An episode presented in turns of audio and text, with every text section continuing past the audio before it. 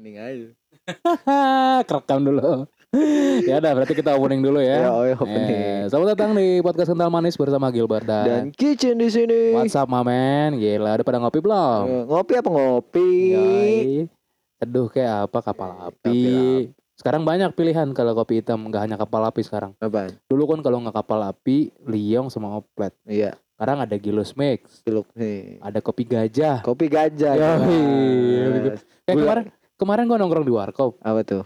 Salesnya datang gitu kan. Harganya kan seribuan ya kalau kita beli di warung ya. Salesnya datang eh nongkrong di warkop terus si pedagang warkopnya ditawarin. Nih kopi teh apa namanya? Kopi gajah. Iya, nitip kopi gajah. Ya jadi jelek-jelekin promosi orang dong. Ya, terus terus. Jadi ada permainan harga lah di situ dijualnya. Hmm. Kalau nanti teteh bisa jualin semuanya nanti dapat lima ribu gitu. Oh. Hmm. Terus gue bilang kalau dapat lima ribu gitu terus satu rencengnya dapat lima ribu keuntungannya si kopi gajah ini berapa gitu kan Hmm. modalnya berapa kok bisa ngasih Uang lima ribu. iya fee lima ribu walaupun mungkin promosi sih ya Hmm. promosi buat si pedagang mau pajang kopi gajah itu jadi yang mau kopi gajah kopi gilis mau masuk boleh kayak dia mau Kayak yang udah ada banyak aja. Iya. yang dengerin juga masih di bawah 100 Iya. mending di bawah 100 sih Iya. Masih apa dua digit lah Iya, pokoknya ya. gitulah ya. Tapi nggak apa-apa bermimpi kan nggak apa-apa. Nggak Nggak dilarang dong. nggak apa-apa bermimpi Nggak itu nggak apa-apa. dilarang Nah, kalau ngomongin kopi itu kopi ada panjangan aja Apaan? Se- semenjak fenomena senja nih senja indie naik di permukaan tuh beberapa tahun lalu ada tuh cocok cocok logi kalau kopi itu kepanjangan dari ketika otak perlu inspirasi Anjir. ya ketika otak lu mumet minum kopi dah tuh biar dapat inspirasi makanya banyak tuh warung-warung kopi tuh penuh dengan anak muda nah kopi warung kopi Starbucks atau kopi Hmm. apa pun gitu ya coffee Hmm. shop lah sekarang anak muda semua gitu Emang anak muda harus butuh inspirasi ya? Harus berinspirasi ya? Wah, nggak tahu ya. Gue bukan anak muda. Ya, Oh udah tua lu. ABG gue, ABG. ABG. ABG apaan tuh? Anak anak buah Gilbert. Anak muda gitu. Jadi di kesempatan kali ini Yoi. membahas mengenai apa? Kopi. Kopi boleh. Kopi boleh. Kopi boleh. Kopi itu ciptaan siapa? Nggak tahu gua. Ciptaan Tuhan dong kan tumbuh-tumbuhan. Si tai. Biasa si tai. ya bener dong. Manusia ciptaan Iya paham. Tuhan. Kopi ciptaan Tuhan juga kan. Iya. Nah pertanyaannya adalah, lu pernah meragukan Tuhan? Nyamuk. Bridgingnya patah. semenjak semenjak buat podcast nih, gue jadi belajar gitu bagaimana buat bridging, bridging ke satu topik gitu. Salah satunya ini ya patah banget kan. Gak jadi. Gila sih lu gila. Jadi gimana? Lu pernah meragukan Tuhan? nggak? Tar dulu, tar dulu. ya nggak pern- pernah kali ya. pernah ya. Secara sadar maupun tidak sadar gitu. Oh lu bisa membedakan bahwa secara sadar atau tidak sadar ya? Iya, Bukannya secara sadar kalau itu? Iya ketika lu meragukan hari esok juga lu udah kalau kata si Judo udah me- meragukan Tuhan. Iya kan? Mengkhawatirkan hari Wah, esok ya. Iya. Padahal burung-burung di udara Tuhan pelihara kan? Iya. iya. Jelas. Kalau ada lagu tuh ya, lagu Nasrani kan Iya. jangan ah, jangan kamu khawatir. Tir, iya. Burung di udara Tuhan pelihara. Ah, ya. iya. Ya, begitulah. Tapi lu gimana? Lu gimana? sama sama konteksnya seperti yang tadi lo bilang Sujiwo Tejo ya Mm-mm. e, mengkhawatirkan hari esok itu sama dengan meragukan Tuhan sama Sama kebanyakan itu karena manusia kayaknya nggak luput dari kekhawatiran gitu kekhawatiran akan hari esok kita bisa makan nggak atau misalnya kita bisa punya pendidikan atau hidup yang layak nggak atau kita bisa menghidupi apa dan apa dan apa gitu. Mm-mm. Tapi sebagai manusia eh, kita tuh harus kayak gimana sih? Tanpa tanpa khawatir juga kita nggak nggak hidup. Berkawat berkekhawatiran berarti ya mungkin mungkin bisa dibilang lu meragukan Tuhan. Tuhan ya Menurut lu enaknya tuh gimana? nah makanya gue merasa lagi di apa ya Di tahap apa? lagi ada di pos ya apa ketika naik gunung tuh ketika Hmm. gue ngerasa tersesat lah gitu tapi tersesat nggak tersesat banget gitu masih ada jalan cuman kayak ragu ini bener nggak sih jalannya? Gitu. Gitu. Gue nggak nggak tersesat di dalam rimba yang gue nggak tahu di mana jalan keluar tapi gue kayaknya tahu tuh jalan cuman kayak bener nggak sih itu jalannya? Gue masih ragu aja kadang gitu. Karena ya manusia setiap hari ya maksudnya wajar lah kita bilang kalau misalnya manusia itu khawatir kan ya. Iya. nah itu khawatir apa ya apalagi kepala ini dipenuhi dengan kepikiran negatif Hmm.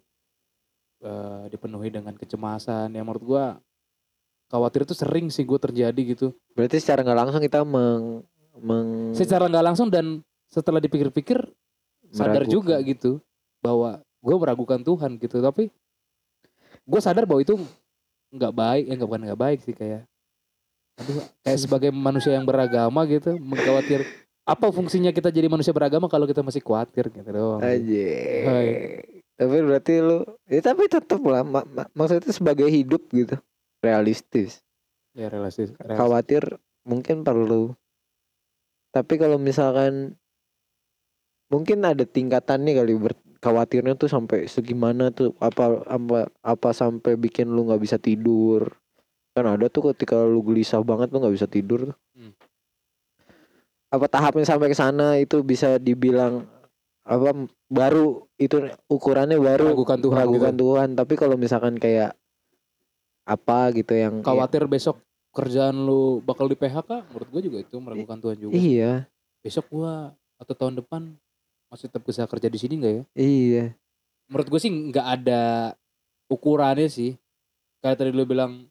Iya makanya makanya pe- perlu nggak sih meragukan Tuhan secara sadar gitu ya kayaknya nggak perlu sih. Hmm. cuman balik lagi gitu manusia dengan lingkungannya yang memberikan patokan-patokan kehidupan gitu patokan-patokan pencapaian sehingga kita melihat bahwa standar itu ditentukan bagi kita semua gitu. Dan ketika kita nggak mencapai standar itu kita merasa khawatir gue bisa nggak ya sampai situ?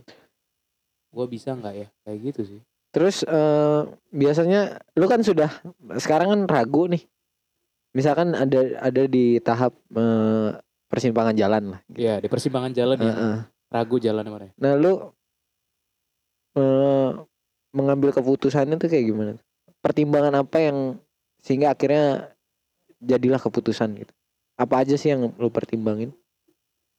pertimbangin Mm-mm. hmm gue nggak mempertimbangkan sih sebenarnya Mm.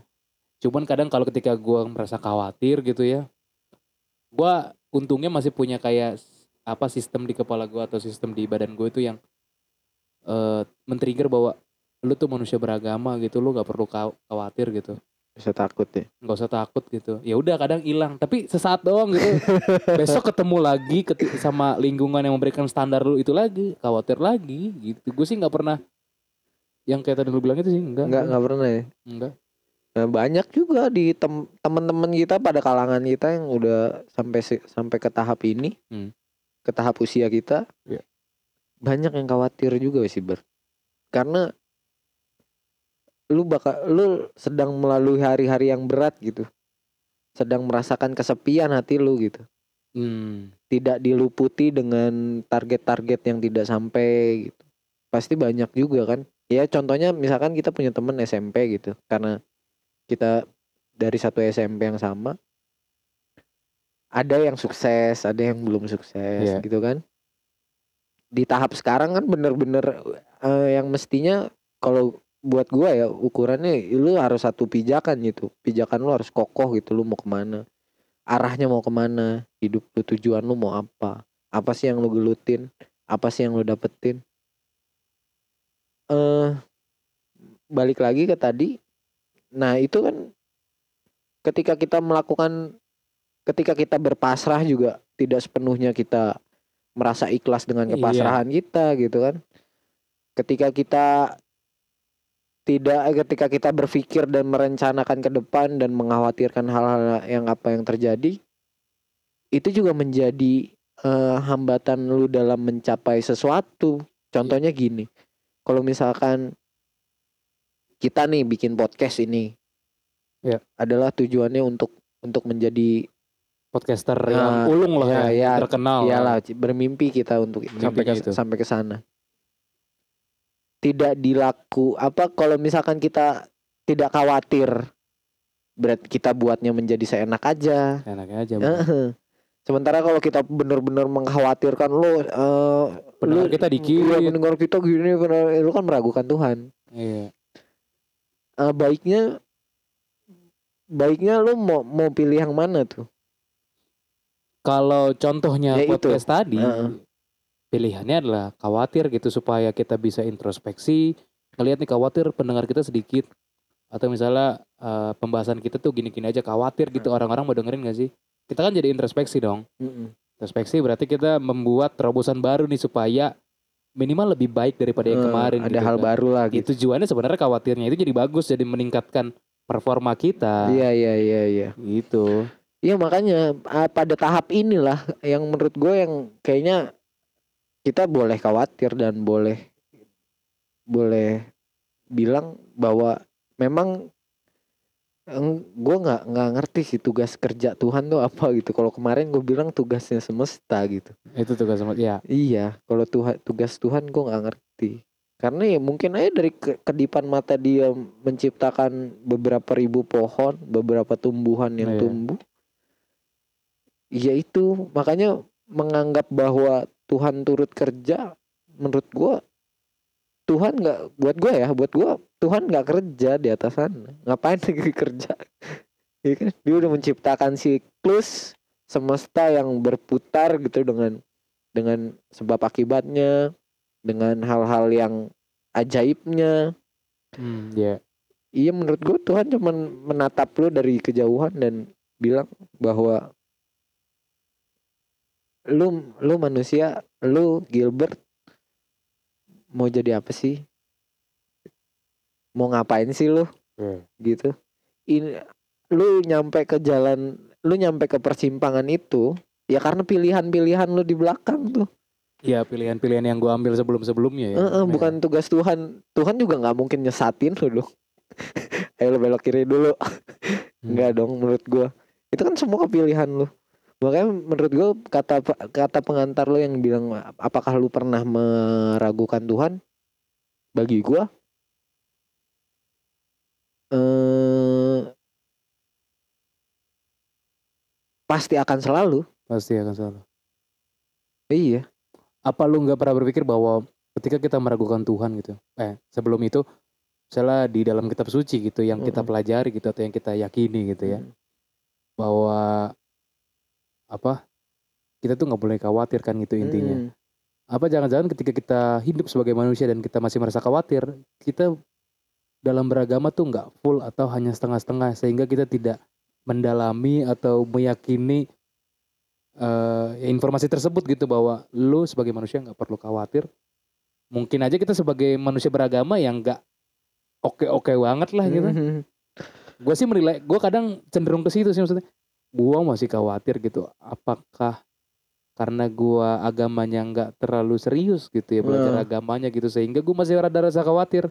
Mungkin ketika gue nanti sudah belajar agama dengan serius, bla bla bla bla, mungkin gue nggak akan merasa khawatir lagi. Gue berpikir seperti itu sih. Tapi dalam eh, banyak ya balik lagi kalau misalkan kau ketika lu sudah mencapai titik eh, titik pembelajaran agamanya sudah tinggi, berarti lu tidak merasakan khawatir kan, gitu kan? Iya. Contohnya. Tapi banyak juga yang orang udah sampai ke tahap mana gitu. Dia merasa masih merasakan kawat kekhawatiran akan masa depan apa gitu, masa depan dirinya, keluarganya, anak-anaknya Hmm, kekhawatiran itu kan muncul iya da- dari dari visi lu maksudnya maksudnya pandangan lu ke depan seperti apa kekhawatiran itu menurutku akan selalu ada walaupun ting- tingkat keagamaannya kecuali gitu ya kalau kita bisa ngambil contoh hmm, biksu gitu hmm. Mm-mm. biksu yang hidupnya udah ha- hanya ya udah gue berpasrah aja Oke. toh gue hidup gitu waktunya gue mati pun gue harus mati ya oke gitu ya itu menurut gue eh bukan bukan hal-hal yang berkaitannya dengan dengan agama ya.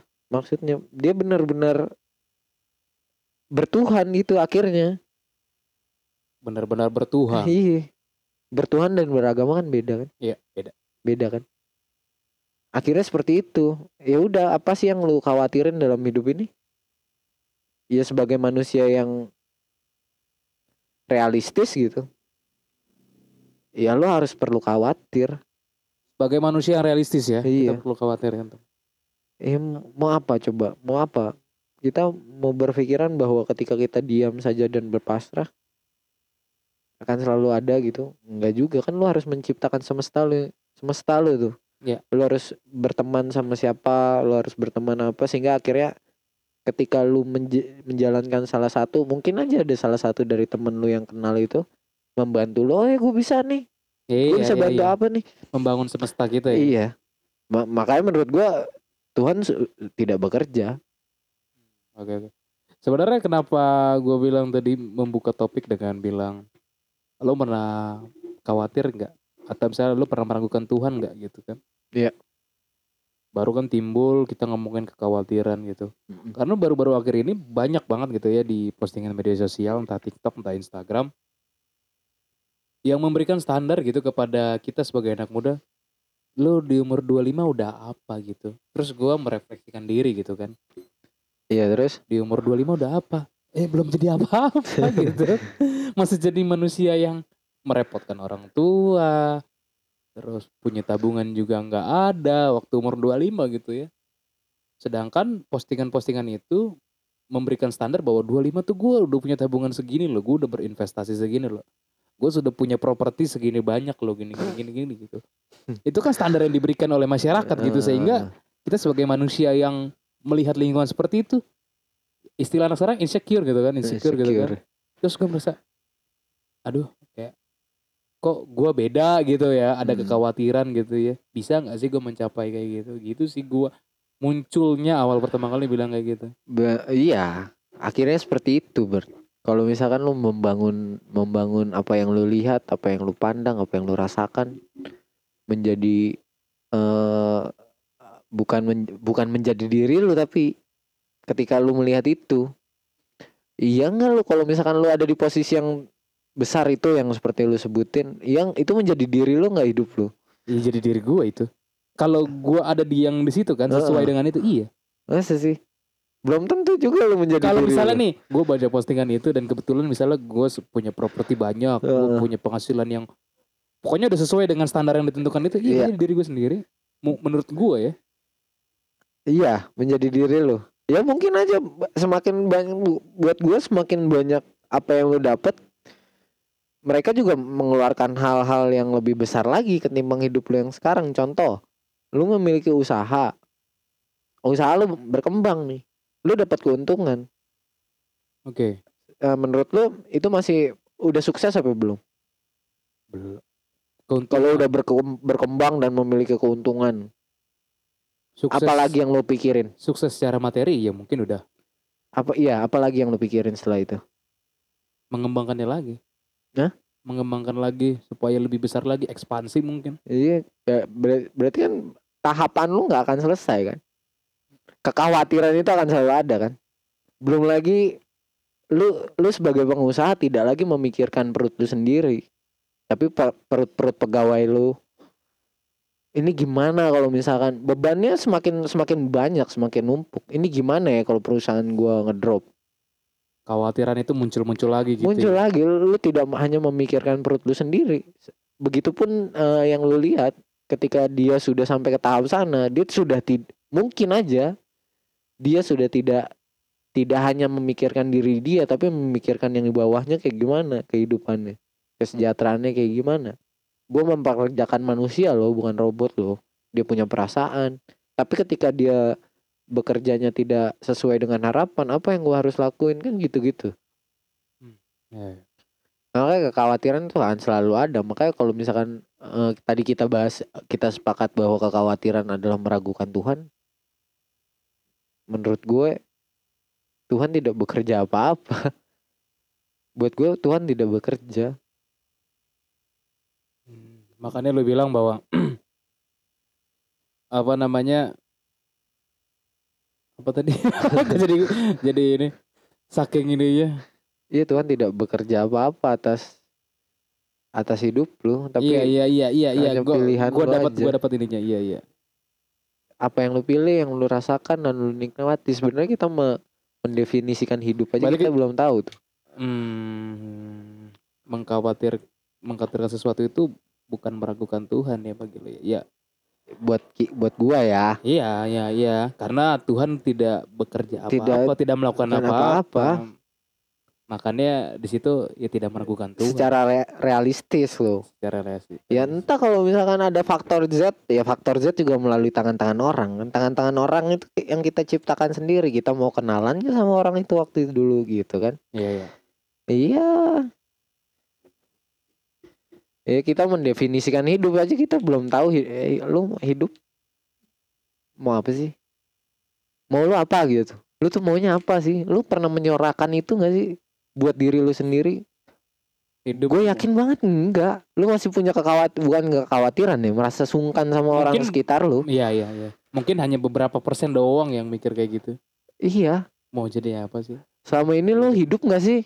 Pertanyaan kan gitu. Kalau hidup secara bernafas, ya pasti Hidup. hidup, tapi hidup yang bener-bener hidup tahu. balik lagi ke pertanyaan gue paling gue tarik lagi ke hal-hal yang paling mendasar hidup Hmm. ini beban gak buat lu Hmm.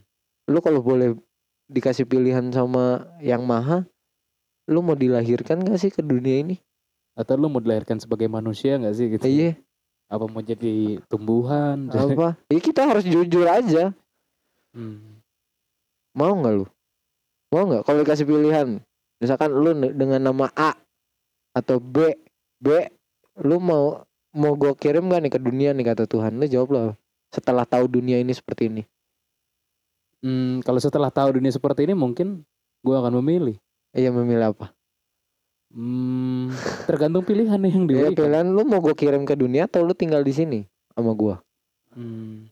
Nah itu dia tinggal di sini ini ngapain kita gitu? Ya entah. Entah. ya. Setelah lu tahu dunia ini seperti ini, lu mau dikasih pilihan gitu lu mau milih apa? Ya udah balik lagi gua nggak memilih dah. Terserah. Ini nggak apa-apa, maksudnya kita ini kan tidak menjadi menjadi kesepakatan lu antara lu dengan Tuhan ini hanya Iya. obrolan aja gitu. Iya iya.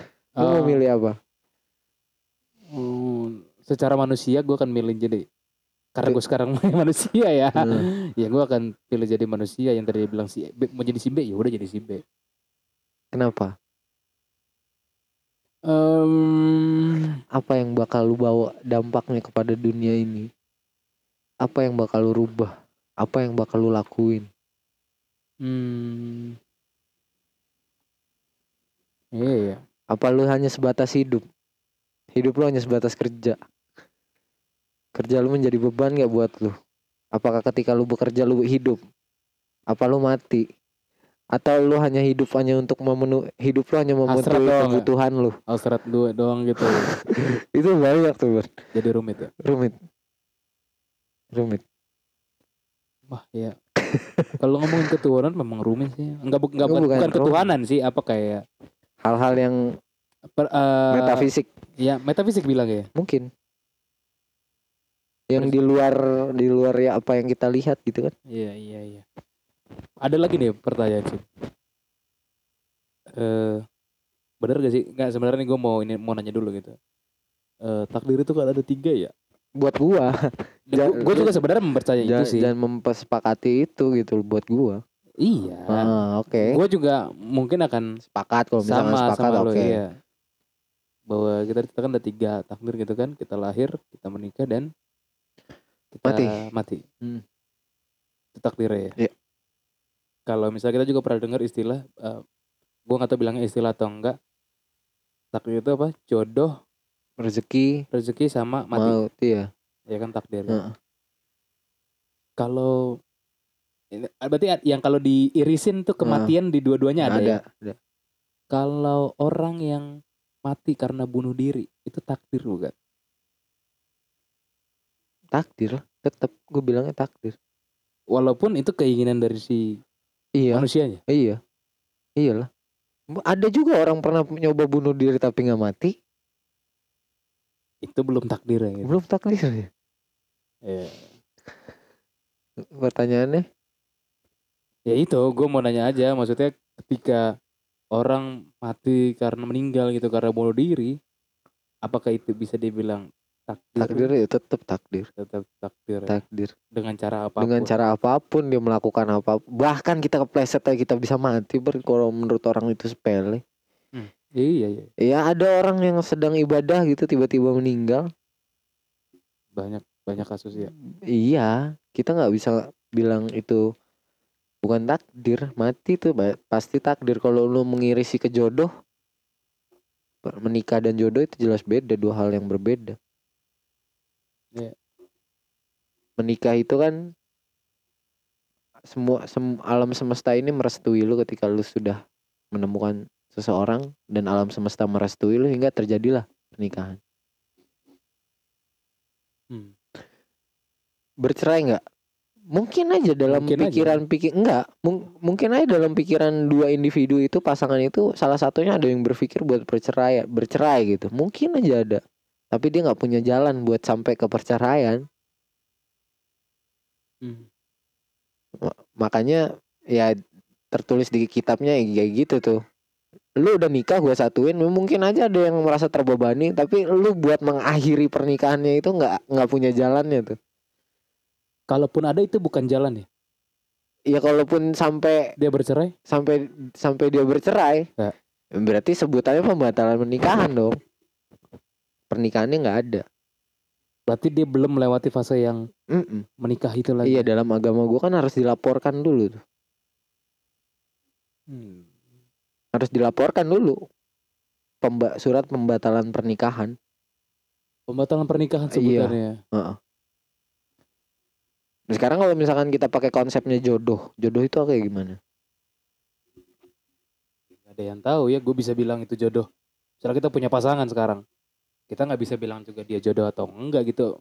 Yang menikah aja belum kita bisa pastikan itu jodoh kita atau enggak Iya, kan? makanya makanya gue mengasumsikannya bahwa ini gue gue mengasumsikannya bahwa itu tuh adalah dalam pernikahan. Pernikahan kan tidak hanya mengikat antara antara lu dengan pasangan lu. Tapi kan mengikat keluarga. Ada yang setuju atau tidak setuju. Iya banyak. Nah itu Banyak hal. iya banyak hal gitu. Nah itu bisa bisa beru bisa semuanya sepakat tuh gimana ceritanya? Kalau bukan kerja kerja kerja lu gitu. Kerja semesta lu gitu. Kerja sama saya. itu sih Cukup ini ya.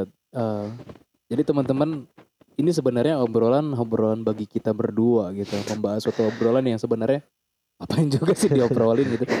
Cuman karena kita punya podcast kebetulan ya kita rekam gitu. Jadi iya teman-teman bisa menilai sendiri sebenarnya eh teman-teman kalau misalnya merasa khawatir tuh teman-teman bisa menilai itu meragukan Tuhan atau enggak balik lagi ke iya penilaian teman atau perspektif teman-teman. Kalau bagi kita ya mungkin tadi Yucin punya pendapat sendiri gue juga punya pendapat sendiri. Iya dan tadi juga yang ngomongin takdir gitu ya. Hmm. ya teman-teman balik lagi ke kepercayaan masing-masing gitu.